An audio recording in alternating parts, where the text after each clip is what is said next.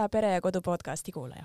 mina olen Katariina Libe ja täna on meil ees veidi teistsugune episood. kui tavaliselt on meie podcast mõeldud ikkagi ennekõike lapsevanematele, siis tänane osa on mõeldud lastega koos kuulamiseks, et ma täpsustan siis, et algkooliealiste lastega, kes on siis umbes vanuses seitse kuni kaksteist aastat. ja teemaks on sõda Ukrainas. lastel on tihti palju küsimusi sõja kohta ja kindlasti paljud meist lapsevanematest ei oska ei oska nendele küsimustele vastata, võib-olla isegi täpselt ei saa aru ja ei oska selgitada niimoodi, nagu lapsed aru saaksid.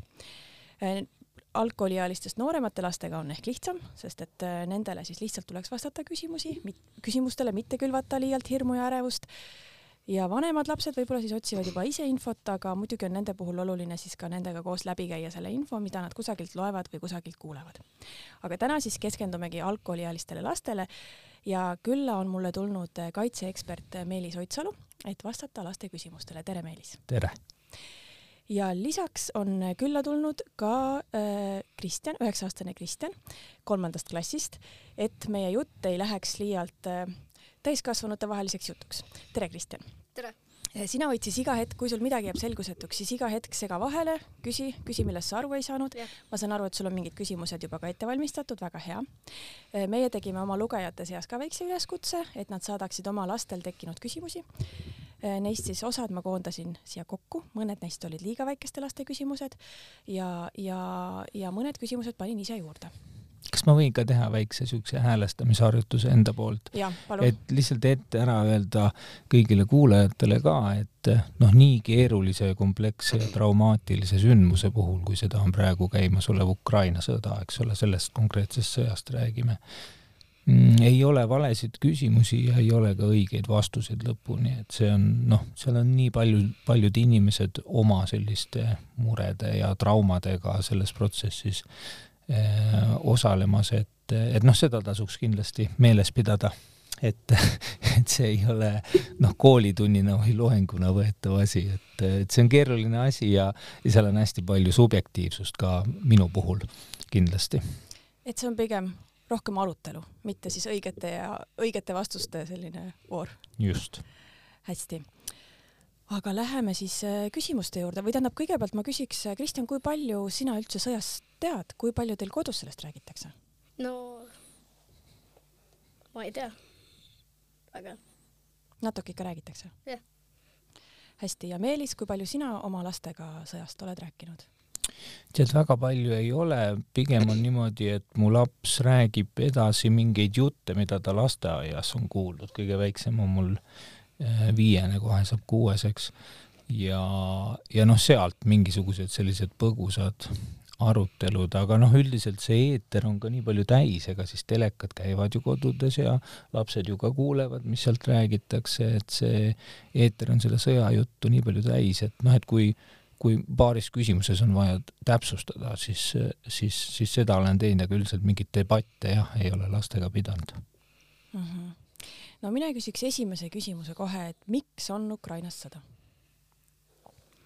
ja noh, see võib-olla äh, taandub küsimusele, et miks inimesed üldse äh, sõda peavad, et sõda ikkagi on käsitletav, ma ise olen küll Kaitseministeeriumis pikalt töötanud, aga ja noh, peaks olema kuidagi vähem emotsionaalne võib-olla ka selle sõja suhtes, aga noh, sõda on kuidagi ikkagi käsitletav nagu haigusena et ta on ikkagi hälve mingist normaalsest elukorraldusest, noh, peamiselt nüüd uuemal ajal, et inimeste, inimkonna ajalugu on olnud üsnagi selline, ütleme niimoodi, vägivaldne, et sellist noh, tsiviliseeritud ja demokraatlikku ühisolemist, mis on rahule suunatud, et seda võib-olla ongi esinenud viimased viiskümmend aastat või kuuskümmend aastat, et see on suht, suht nooruke nähtus ja nagu me näeme, see haigus kahjuks ei ole maailmast kuhugi kadunud. statistika näitab, et suundumine on õiges suunas, et pigem inimkond liigub vähima või vähema vägivaldsuse suunas, aga, aga nagu näha, et siis, siis jah, selline ütleme niimoodi, et kui mingi rühm inimesi, kes Äh, nimetab ennast ühiskonnaks või riigiks, et kui nad ei suuda enda riigi sees mingeid suhteid korda saada, oma seda nii-öelda kooselu käima, et siis äh, sageli see lõpeb sellega, et otsitakse välisvaenlane ja hakatakse siis nii, nii-öelda oma frustratsiooni, sisemist frustratsiooni teiste inimeste elude hinnaga siis välja elama. Nii et põhimõtteliselt, kui perekonnas suhted on halvad, siis minnakse naabritele kallale jah, ma ei oska isegi paremat või, või mingit analoogiat siin tuua, et et, et pigem noh, me näeme seda ka lihtsalt vägivaldsete inimeste puhul sageli, selles mõttes küll, jah. et kui oma, oma sees on midagi sassis, siis et kui sa iseendaga ei suuda sina peal olla, siis sa lähed kuidagi teistelt tähelepanu küsima väga ebameeldival äh, moel. Kristjan, kas midagi jäi sulle arusaamatuks ja või tahaks midagi juurde küsida selle kohta? ei. väga hästi siis ma küsiks järgmisena, et äh, kas on ohtu, et sõda jõuab Eestisse ka? noh, selle ohuga me oleme ju arvestanud aastast üheksakümmend üks peale, et see ei ole midagi uut iseenesest. meil on sõjakogemusi, kahjuks Eesti asub noh, geopoliitiliselt sellises kohas, kus noh, suurvõimud äh, üksteist nii-öelda nügivad sedasi, et omavahelist tasakaalu saavutada kuidagi. Ja me oleme kahetsusväärselt olnud selline noh, nügimise puutepunkt mõnes mõttes, et meie imperiaalne kuuluvus on ka aja jooksul ju ikkagi üsna palju muutunud. et ja, ja selleks me oleme valmistunud, selleks tulebki valmis olla, nagu ukrainlased meile näitavad, ei tohi kaotada isegi huumorimeelt ka kõige suuremate jubeduste kiuste aga, aga noh, ütleme, et tõenäosus on pigem natukene tõusnud, otsest ohtu meil ei ole mm. -hmm. nii et praegu see, et Ukrainas on sõda, ei tähenda seda, et homme tuleb Eestisse sõda? kuna see sõja, sõda on sellises nii kuumas faasis, siis eh, noh, midagi ennustada siin ei oska ega luba, aga lihtsalt praegu noh, sellel meie võimalikul vaenlasel on käed-jalad nii-öelda verist tööd täis, tal ei ole väga võhma, et kuskil kedagi, noh, meid konkreetselt siin ohustada. Kristjan, kas sul on mõni küsimus vahele? küsi julgesti, küsi, küsi. küsi esimene küsimus oma ja. seal paberi pealt mida teeb see, kes ei taha Putini käskudele alluda? kui hea küsimus. Mida ta teeb, noh, neid käskudele mitteallujaid, sa mõtled sõjaväes või ühiskonnas laiemalt ka tänavatel? sõjaväes. sõjaväes, noh, tal käparad just väga hästi ei käi tavaliselt, kui noh, on niisugune hästi noh, vägivaldne ühiskonnakorraldus, siis ka sõjaväes igasugust äh, mittekuuletumist karistatakse üsna noh, julmalt, ma arvan, eks ta, eks ta saab oma mingisuguse kohtuliku karistuse ja istub siis vanglas näiteks. Nii, teine küsi-, järgmine küsimus, Kristjan. kas tule, kas on ah,, seda küsi, küsi julgesti. kui Venemaal ei jätku piisavalt varustust, kas nad saa-, kas nad siis lõpetavad sõja ära? ahah. jaa, varustus ongi noh, relvad ja varustus ongi see, mis tegelikult seal sõdivad inimesed opereerivad, nad panevad sinna juurde oma tahte ja motivatsiooni, mis on määrav loomulikult, aga, aga noh, suures plaanis on ikkagi sõda selline kahjuks selline materiaaltehniline õnnetus, et, et, et kui neil varud lõpevad, siis nad jah, on sunnitud äh, sõjapidamise lõpetama, et sellised füüsikareeglid noh, mingisugused piirid sellisele tegevusele, kurjusele õnneks seavad. ma küsin vahepeal, et äh, miks Eesti sõdurid ei lähe Ukrainale appi? Eesti sõdurid on olnud Ukrainal abis viimased kaheksa aastat, meil on olnud seal väljaõppemissioon. Mm, oleme õpetanud Ukraina äh, väge ennast kaitsma ja korraldama. Ja Eesti võitlejaid on ka täna muide Ukrainas vabatahtlikuna võitlemas, nii et noh, mõnes mõttes eestlased on ka selles sõjas juba otsapidi. Aga siis ma küsiks kohe, et kuidas siis eestlased on äh, nii targad olnud, et nad on osanud minna ukrainlasi õpetama, et justkui meil ajalugu äh, pärast Nõukogude Liidu lagunemist on ju samasugune olnud, et kuidas siis eestlased on nii palju targemad? ma arvan, küsimus ei ole tarkuses, küsimus on selles, et me valisime Ukrainaga natuke erinevat teed. et meil oli äh, startisime ju samalt positsioonilt üheksakümne esimesel aastal, kui me, meie oma iseseisvuse taastamise, taastasime ja Ukraina esimest korda saavutas, noh, nii-öelda kaasaegne Ukraina äh, iseseisvuse, et ja siis meie valik oli ja võimalus oli siis ühineda NATO-ga ja sealt me loomulikult saime kogemust, kuidas noh, kaasaegne selline sõjapidamine käib ja seda kogemust me siis ka ukrainlastele vahendasime mm. -hmm. nii, Kristjan, küsi vahepeal, sina midagi? Kui Venemaa ei lõpeta sõda niipea, siis kuidas äh, siia tulnud ukrainlastele jätkub kõike eluks vajalikku ja elamiskohti? ma arvan, et noh, vaadates kõigepealt seda, eks ole, Eestis oli enne seda sõda vist mingi kakskümmend üheksa tuhat ukrainlast, et kaks protsenti rahvastikust meil on olnud juba ukrainlased, nüüd on tulnud juurde, on sul viimased andmed või? ei ole. palju sinna, aga noh, teist sama palju ei ole veel juurde tulnud.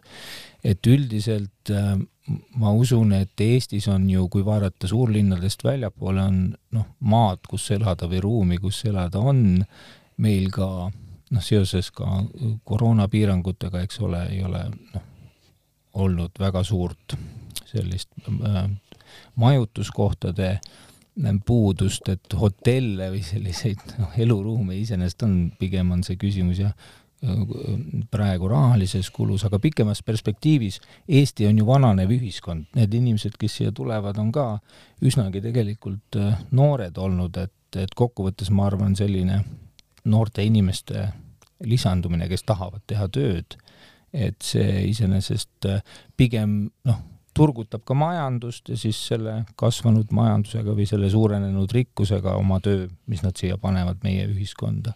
et selle eest saab neid lisamaju ja, ja korterelamuid ka ehitada. nii et pole probleemi ühesõnaga? praegu küll ei tundu olevat, jah. nii, Kristjan, mis su järgmine küsimus on? kuidas Ukraina saab ennast kaitsta? Ukraina kaitseb ennast praegu väga südilt, nad teevad seda mitte ainult siis oma sõjaväega, mis kõik kogu maailma üllatas, et nad nii hästi Vene armeele on vastu pannud, ehm, vaid ka siis noh, südamete võitmise sõda on see natukene ka ja siin on noh, ka kasuks tulnud igasugune internetimeedia, ühismeedia, noh, see, mida me nutitelefonides tavaliselt scroll ime ja kerime. et nende kaudu on, on suutnud ukrainlased, ka lihtsad Ukraina inimesed tuua selle sõjategelikkuse ja ka tuua ka sellist noh,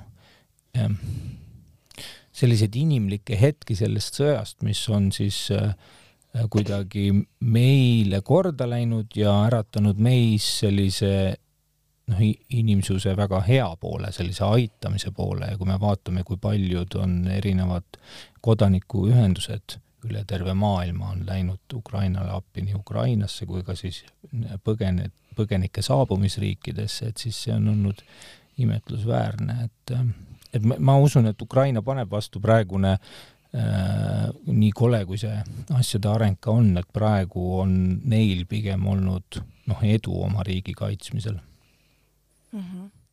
nii, Kristjan, on sul mõni järgmine küsimus? kuidas äh, Ukraina saab oma inimesi kaitsta? inimeste kaitseks, muide, ma ise mõtlesin selle peale ka, et äh, Kiievit näiteks, pealinna, Ukraina pealinna, et seal väga palju kaitseb inimesi metroo olemasolu, see, et on suured metroopeatused ja inimesed saavad seal noh, kole küll, aga ikkagi seal enam-vähem soojas ja kuivas pommide eest varjul olla, metroo läheb ju hästi sügavale maa alla ja ka muudes linnades tundub, et see on noh, lihtsalt kuidagi suhteliselt hästi korraldatud nende linnavalitsuste poolt ka, et inimesed teavad ise, kuidas ennast kaitsta ja aidata, et ma arvan, et see kuidas küsimus on selles mõttes oluline, et, et noh, meil ka Eestis Ehm, peaks võib-olla rääkima mitte nii palju sellest, et kas nüüd tuleb sõda ja mis siis kõik koledat võib juhtuda, vaid et mis see siis sellistes oludes, noh, see tegevusplaan on või et millised varud mul peaksid kodus valmis olema, ma ise elan majas ja me just hankisime siin spetsialisti abiga generaatori, et oleks noh, elektri tagavara äh, võtta, aga ka mingeid toitained võiks kodus olla ja noh, sellised mm, üldised reeglid ka äh, selle kohta, et mis, mida silmas pidada äh, noh, siis, kui sul üldse tekib turvalisusega mingi probleem, see ei pea sõda olema ju, see on noh, üleüldse, kui sa näed, et midagi, keegi teeb midagi valesti või et sind ennast rünnatakse, et noh, et need asjad, et nendest tulebki võib-olla rääkida, et need võiksidki olla noh, lõimitud natukene selline haridus ka, mitte ilmtingimata laste ellu, aga aga, aga koolihariduses võiks see ka äkki sees olla kuidagi, inimeseõpetuse osana näiteks. on teil inimeseõpetuse tund juba või? ei, ole see veel? tuleb vist natuke hiljem jah aga jah, eks ta vist on nii, et seda hirmu tekitab teadmatus või ebakindlus, et kui seda ebakindlust on nagu vähem, et sa tead, mida ohu korral tuleks teha, näiteks et kui on, ma ei tea, torm, siis tuleb maal, seda teavad kõik, et siis tuleb elekter välja lülitada. et noh, sellised asjad, et sa lihtsalt tead, mida tuleb teha. päästevest tuleb merele minnes selga panna. ja, ja see ja kui sa juba tead, kui sul on näiteks kolm asjagi, ma ei tea, kodus tahvlile või kuskile kirjutatud, et et mida äh, selliste, sellistel puhkudel teha, muide äh, mobiiltelefoni on võimalik laadida Ole valmis äppi, mis, kus on sees igasugused juhised ja suhteliselt suure šriftiga ja ütleme lihtsas keeles kirjutatud, et mida erinevatel olukordadel teha ja kuidas valmis olla, et kui sa juba mõtled endale, et ahah, nüüd on niisugune olukord, mul olid seal kirjas kolm asja, siis sa juba hakkad neid asju tegema kuidagi ja siis on vähem nagu muretsemiseks ka aega, et siis sa tegutsedki ja tunned ennast kuidagi noh, paremini, sellepärast et sa tead, mida teha ja kuidas käituda, et noh, eks see on iga nagu oskusega ju nii koolitunnis ju täpselt samamoodi, kui õppetükki ei tea, siis see tunne, kui sa sinna klassi lähed, noh, kodused tööd on halvasti tehtud või midagi, et sa tunned nagu hirmu. et sellised olukorrad on ka noh, nagu nii-öelda eksamile või kontrolltööle minek, et, et siis ei ole hirmu, kui sa oled valmis ära teinud, siis sa noh, annad endast parima lihtsalt ja tunned ennast selle pärast ka hästi, et sa saad seda teha mitmel lugejal oligi küsimus selle kohta, et kuhu Eestis saab varjuda. meil ei ole ju väga palju pommivariandeid, mis need head variandid on? häid variante vist väga ei olegi. praegu valitsus alles tegeleb sellega, et, et noh, siin hinnata üldse, ehituseksperdid peavad ju ka vaatama, kus on turvaline üldse ja siis märgistada ja ka sireene hakatakse nüüd ostma siin Ukraina eeskujul, et kõige, noh, eestlastel on sageli, ma ei tea, on teil võimalus näiteks minna kuhugi maale, kui linnas peaks midagi juhtuma, ükskõik, mingi keemiaõnnetus või mingi niisugune asi, et siis ongi nagu üks võimalus on minna maale, helistad vanaemale või, või lihtsalt lähed oma äh, maakottu ja ütled, et kuulge, et me tuleme külla, nii äge, et äh, teeme mingi paaripäevase laagri. ja siis, äh, ja siis juba riski, paljud riskid noh, maandatakse ära, sest äh, maal on ju enamasti hajaasu-, asustus mm. -hmm. nii, Kristjan, kas sul on mõni järgmine küsimus? kui osa pereliikmeid on ühes äh, kohas ja teise ja osa teises riigis, siis kuidas nad omavahel suhtlevad? sa mõtled konkreetsemalt sõja puhul Eestis või? no Ukrainas Ukrainas sõja puhul. noh, selle suhtlusega ei ole vist probleemi olnud seal, noh, meie suurim hirm praegu niisuguses infoühiskonnas on see, et kui algab sõda, et siis kõik side kaob ära, internet kaob ära, ma ei tea midagi, ma pean patareidega raadio, mis on muide ka kui te seda äpist loete, et see on üks asi, noh, mille, mis igal juhul nagu võiks olla äh, olemas, aga Ukrainas on see hea asi, et sinna on läinud nii paljud ettevõtted ja inimesed appi, et ma ei tea, kas sa oled kuulnud Elon Muskist, niisugusest tüübist, jah. Elon Musk, tema on arendanud välja sellise kosmosesatelliitide põhise interneti äh, võimaluse ja siis äh, ta on neid, ta nimetab neid ähm, Starlinkideks, seda süsteemi, ja siis ta lihtsalt viis Ukrainasse neid Starlinke ja inimesed, kes seal ka noh, peavad infosõda ja häkkerid ja kaitsevad oma riigi kübersüsteeme ka, need noh, töötavad kõik sellega, et tänapäeval noh, õnneks seda suhtlus ähm,, suhtlusvaakumit on väga keeruline tekitada. Kristjan, mis on su järgmine küsimus? kuidas saab Eesti aidata Ukrainat, et sõda lõpeks? Me oleme hästi palju aidanud, me oleme pannud noh, kõigepealt igasuguse äh, relvastuse ja rahaga, me oleme kahesaja miljoni euro eest, see on tohutu suur summa juba andnud igasugust materiaalset abi, me oleme võtnud vastu juba noh, palju põgenikke, rohkem põgenikke kui teised Balti riigid näiteks on võtnud meil ju inimesed bussidega organiseerisid, eks ole, sealt piirilt äh, põgenike siia toomise, et me oleme, ma arvan, me oleme teinud täpselt nii palju, kui Eesti võimuses hetkel on teha. et äh, ja, ja noh, et see, et see oluline on see, et see abi nüüd jätkuks, et ukrainlased ei tunneks ühel hetkel, et et okei okay,, kuu aega olime sõbrad ja nüüd on lihtsalt, et see sõprus tegi vaeseks ja enam ei jaksa lihtsalt sõber olla Ukrainaga. et see, et seda tuleb vaadata, et, et ka siis, kui nagu raha abistamiseks saab otsa, et siis mingid muud võimalused leida ja siin on ka hästi palju igasuguseid kodanike ühiskonna mingeid gruppe ja, ja tegelasi, kes lihtsalt vabast tahtest oma, oma ajast abistavad, et see ongi tore, et mitte Eesti riik ei abista, vaid terve Eesti ühiskond abistab praegu Ukrainat et tasuks siis silmad-kõrvad lahti hoida, et võib-olla need abistajad, kes alguses suure õhinaga tulid, võib-olla neil saab üks hetk hind otsa. ja siis, siis tuleb, tuleb otsida ja. uued abistajad ja edasi abistada, et see noh, ei ole kellelgi ka, me ei eelda, et meil oma elu elamata jääb ja noh, see ongi hästi oluline, et meie ei jätaks siin oma elu ka elamata mm. -hmm. mina küsin vahele sellise lugeja küsimuse, et mis asi on infosõda? Infosõda, kuidas seda nüüd selgitada? vaata, ma ei tea kõikidele küsimustele vastuseid, sellepärast mm. me mõtleme ise ju ka selle peale, ega infosõda ma kujutan ette, et, et mis võiks olla infosõda. see on umbes noh, ma ei tea, kui ma olin väikse, käisin äh, koolis seal väiksemates klassides, siis, siis seal oli põhiline dialoog oli see, et kes kellel on õigus ja kes valetab. et kellel on, noh, pidevalt käis selle üle, sina valetad, ei, sina valetad, mul on õigus, ei, sul on õigus. noh, et mõnes mõttes on infosõda selline vaidlus, mis on selles mõttes läinud üle käte, et ma hakkan, ütleme, trikitama natukene sinu, sinu selle Äh, arvamuse muutmiseks, aga teen seda teades, et see, kuhu ma sind tahan, milles ma tahan sind veenda, et see ei ole tõene, et see võiks olla nagu infosõda, et kui otsida niisugust negatiivset tähendust sealt taga. ma arvan, et see on, aga noh, selle mm, vastu aitab ikkagi seesama reegel, et et, et sa ei tohi iseendale valetada, et siis on sind väga keeruline ka ära lollitada, et seda noh, mina õp-, olen pidanud siin nelikümmend neli aastat õppima seda kunsti, see ongi nagu pidev, pidev selline, pidev harjutamine.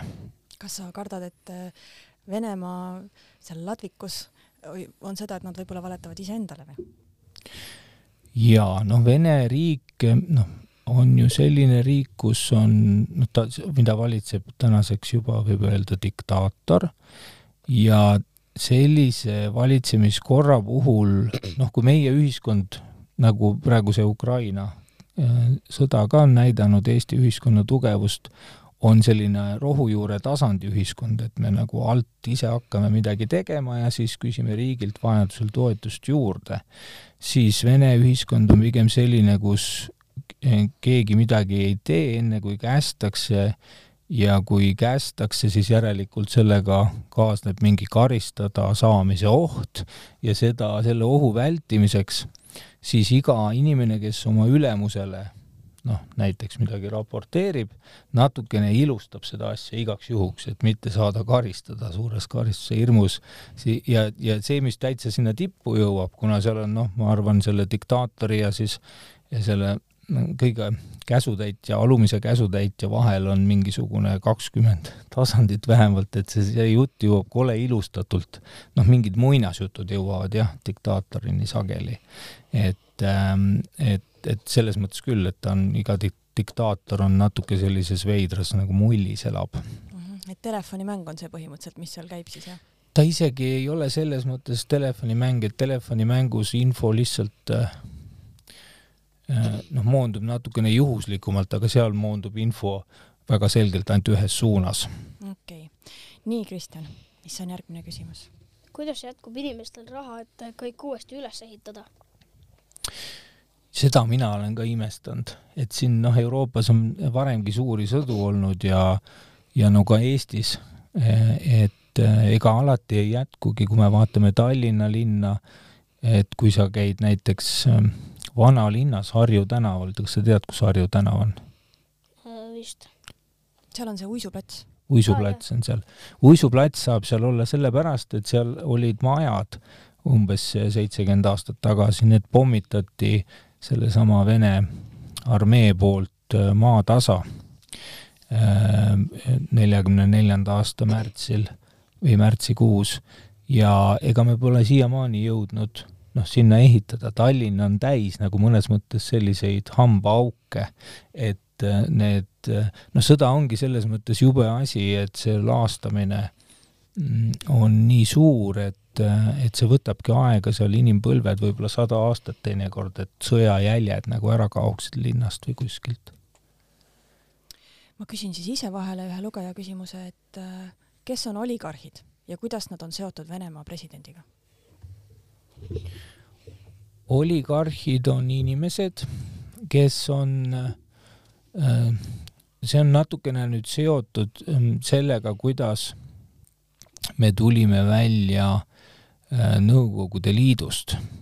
me olime siis, eks ole, ühe selle Vene impeeriumi osa põhimõtteliselt, selline vägivaldne impeerium ja pärast seda mm, toimus siis noh, kogu sellised nii-öelda meie nagu tavamõistes elureeglid äh, muudeti ümber.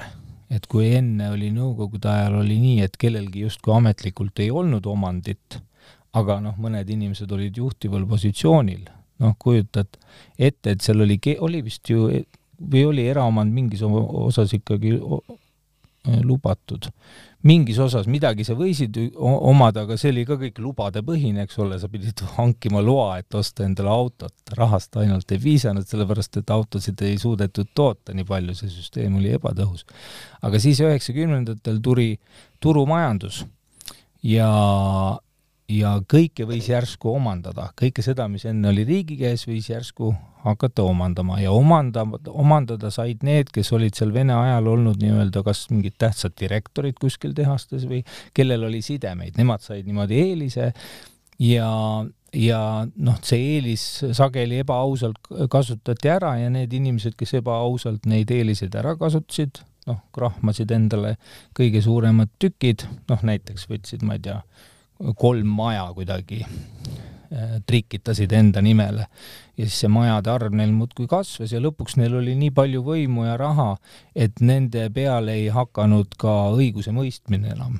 et kui nad tegid, saatsid mingi kuriteo korda, siis nad lihtsalt maksid kinni ma ei tea, politsei või, või kohtuniku ja, ja noh, tekkis selline puutumatute klass, et et kui äh, sõna, noh, mõtet tõlkida, siis oligarh võikski olla keegi, kes on puutumatu, eh, kes toimib väljaspool, noh, meil on õigusriik, eks ole, kõik vastutavad oma tegude eest, eh, seaduse ees võrdselt, et tema siis sellest suhtest justkui astub välja, see oligarh.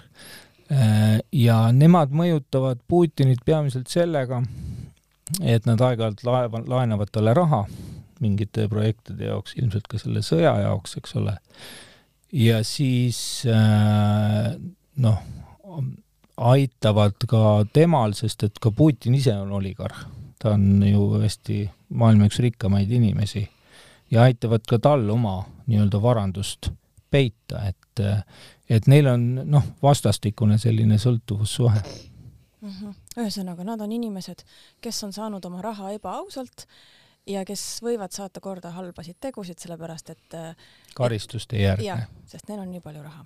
nii on, jah. nii, ma vaatan, et kell on meil juba sealmaal, et me oleme päris pikalt jutustanud, teeme viimase küsimuse siis.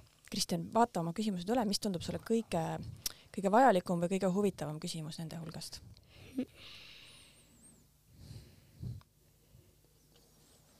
Kuidas lapsed ennast tunnevad, kui nad on näinud, et nende koduriiki pommitatakse ja inimesi maha lastakse ja kuidas see lastele mõjub?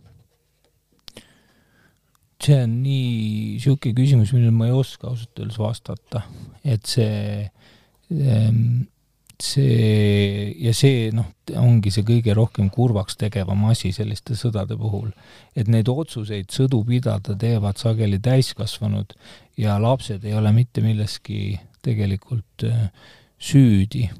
et, äh, et noh, ma arvan, seal nendel lastel ka hiljem pärast sellist traumat ikkagi aitab äh, üle saada niisugune peresuhe, peresisene, eks ole, selline noh, üksteise toetamine ja sõprussuhted ja noh, et, et ei, et, et, et ma kujutan ette, et sellisel lapsel on noh, kõige parem ongi, kui tal on on niisugune soe toetav pere ja, ja head sõbrad, et et see on ainuke viis, noh, ja see, ja, ja need asjad on läbi aastatuhandete inimesi aidanud igasugustest jubedustest üle, mis aeg-ajalt kahjuks inimkonda külastavad, jah ma arvan, et see ei ole halb selle peale mõelda, et kuidas need lapsed ennast tunda võivad, sest et sellest lähtuvalt võib ju ka mõelda, et kuidas me saame aidata neid lapsi, kes on Eestisse jõudnud. Jah, täpselt. nii, Kristjan, kas sulle jäi midagi jäi veel kripeldama, kas sa midagi tahaksid veel küsida, kas midagi jäi arusaamatuks? ei jäänud, aga tahaks veel ühte asja küsida. jah, küsi. kui sõda ära lõpeb, kuidas siis inimesed äh, oma tavalisse vormi saavad ja edasi elavad? sest see jääb ju alatiseks meelde ja mõndadele inimestele see ei anna rahu. jaa, meil on ju ka see kogemus siin äh, veel vist enne Kristjani sündi, kaks tuhat seitse oli meil siin ka noh, selline ütleme tüli tänavatel selle üle, et, et mis sellest teisest maailmasõjast, ma ei tea, kas sa oled kuulnud teisest maailmasõjast, et et, kes seal siis kas tegi halba või head siin Eestile. ja need vaidlused jätkuvadki ja, ja noh, nendest ähm, ülesaamiseks ongi noh, kõige olulisem ikkagi teadlikult ka iga inimese tasemel võib-olla noh, keskenduda heale äh, teadlikult, et et mitte minna kaasa mingite oma sisemiste vimmade ja, ja arvamustega, sest kokkuvõttes selline vimm ikkagi noh, vangistab ja, ja siis tekivad uued nii-öelda pinged, mis on välja elamata ja siis on jälle nii, et sa lähed lööd kedagi, sellepärast et sul on halb olla ja tulevad niisugused noh, jätkusõjad ja jätkutülid ja, ja see on noh, ka üks selline väga, väga kurb asi sõdade puhul, et nad kunagi ei lahenda midagi. Tülid võivad lahendada ja noh, niisugust äh, loovat tülitsemist on ka võimalik õppida ja harjutada, sest et noh, tülide üks reegel on see äh,, või kaks reeglit on seal võib-olla, mida tasuks silmas pidada, üks on see, et kui sa lähed tülitsema ja tüli on juba alanud, siis kuula iseennast, mida sa tahad tegelikult teisele osapoolele öelda ja ütle see välja et tüli on juba alanud, noh, on juba tekkinud selline nii-öelda aususe olukord võib-olla mõnes mõttes, et lihtsalt püüa seda võimalikult rahulikult, aga püüa seda rasket asja, mis su sees on, sõnastada.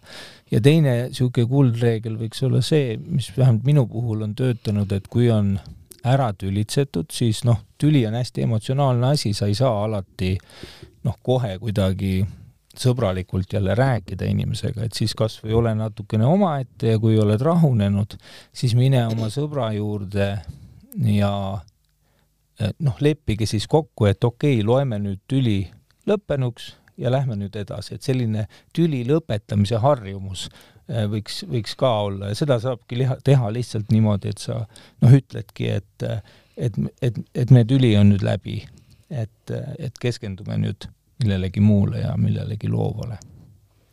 loodame väga, et, et millalgi varsti jõuavad Ukraina ja Venemaa sinna faasi, kus nad ütlevad, et tüli on nüüd läbi ja keskendume nüüd millelegi ilusale. jaa, ja seda lootust ei tasu kaotada, sellepärast et veel kord, statistika näitab, et maailm pigem liigub nii, nii õudne, kui see telepilt praegu ka ei ole, et tervikuna maailm ikkagi liigub äh, paremuse poole ja see on ju hea teadmine. et võib-olla pole kunagi saabub selline aeg kunagi, kus pole üldse sõdu enam? loodame, mina küll arvan, sest varsti on üldse arvutid ju võtavad üle ja ma ei usu, et arvutid omavahel viitsivad sõdida hästi, see on küll tore, tore asi, millega lõpetada. aitäh, Meelis, et sa leidsid selle aja, et küsimustele vastata. aitäh, Kristjan, et, et sa tulid ja küsisid nii palju äh, tarku küsimusi. aitäh, armas kuulaja, et sa meid ära kuulasid ja ma loodan, et, et said natukene vastuseid oma küsimustele. järgmine saade on üleval nädala pärast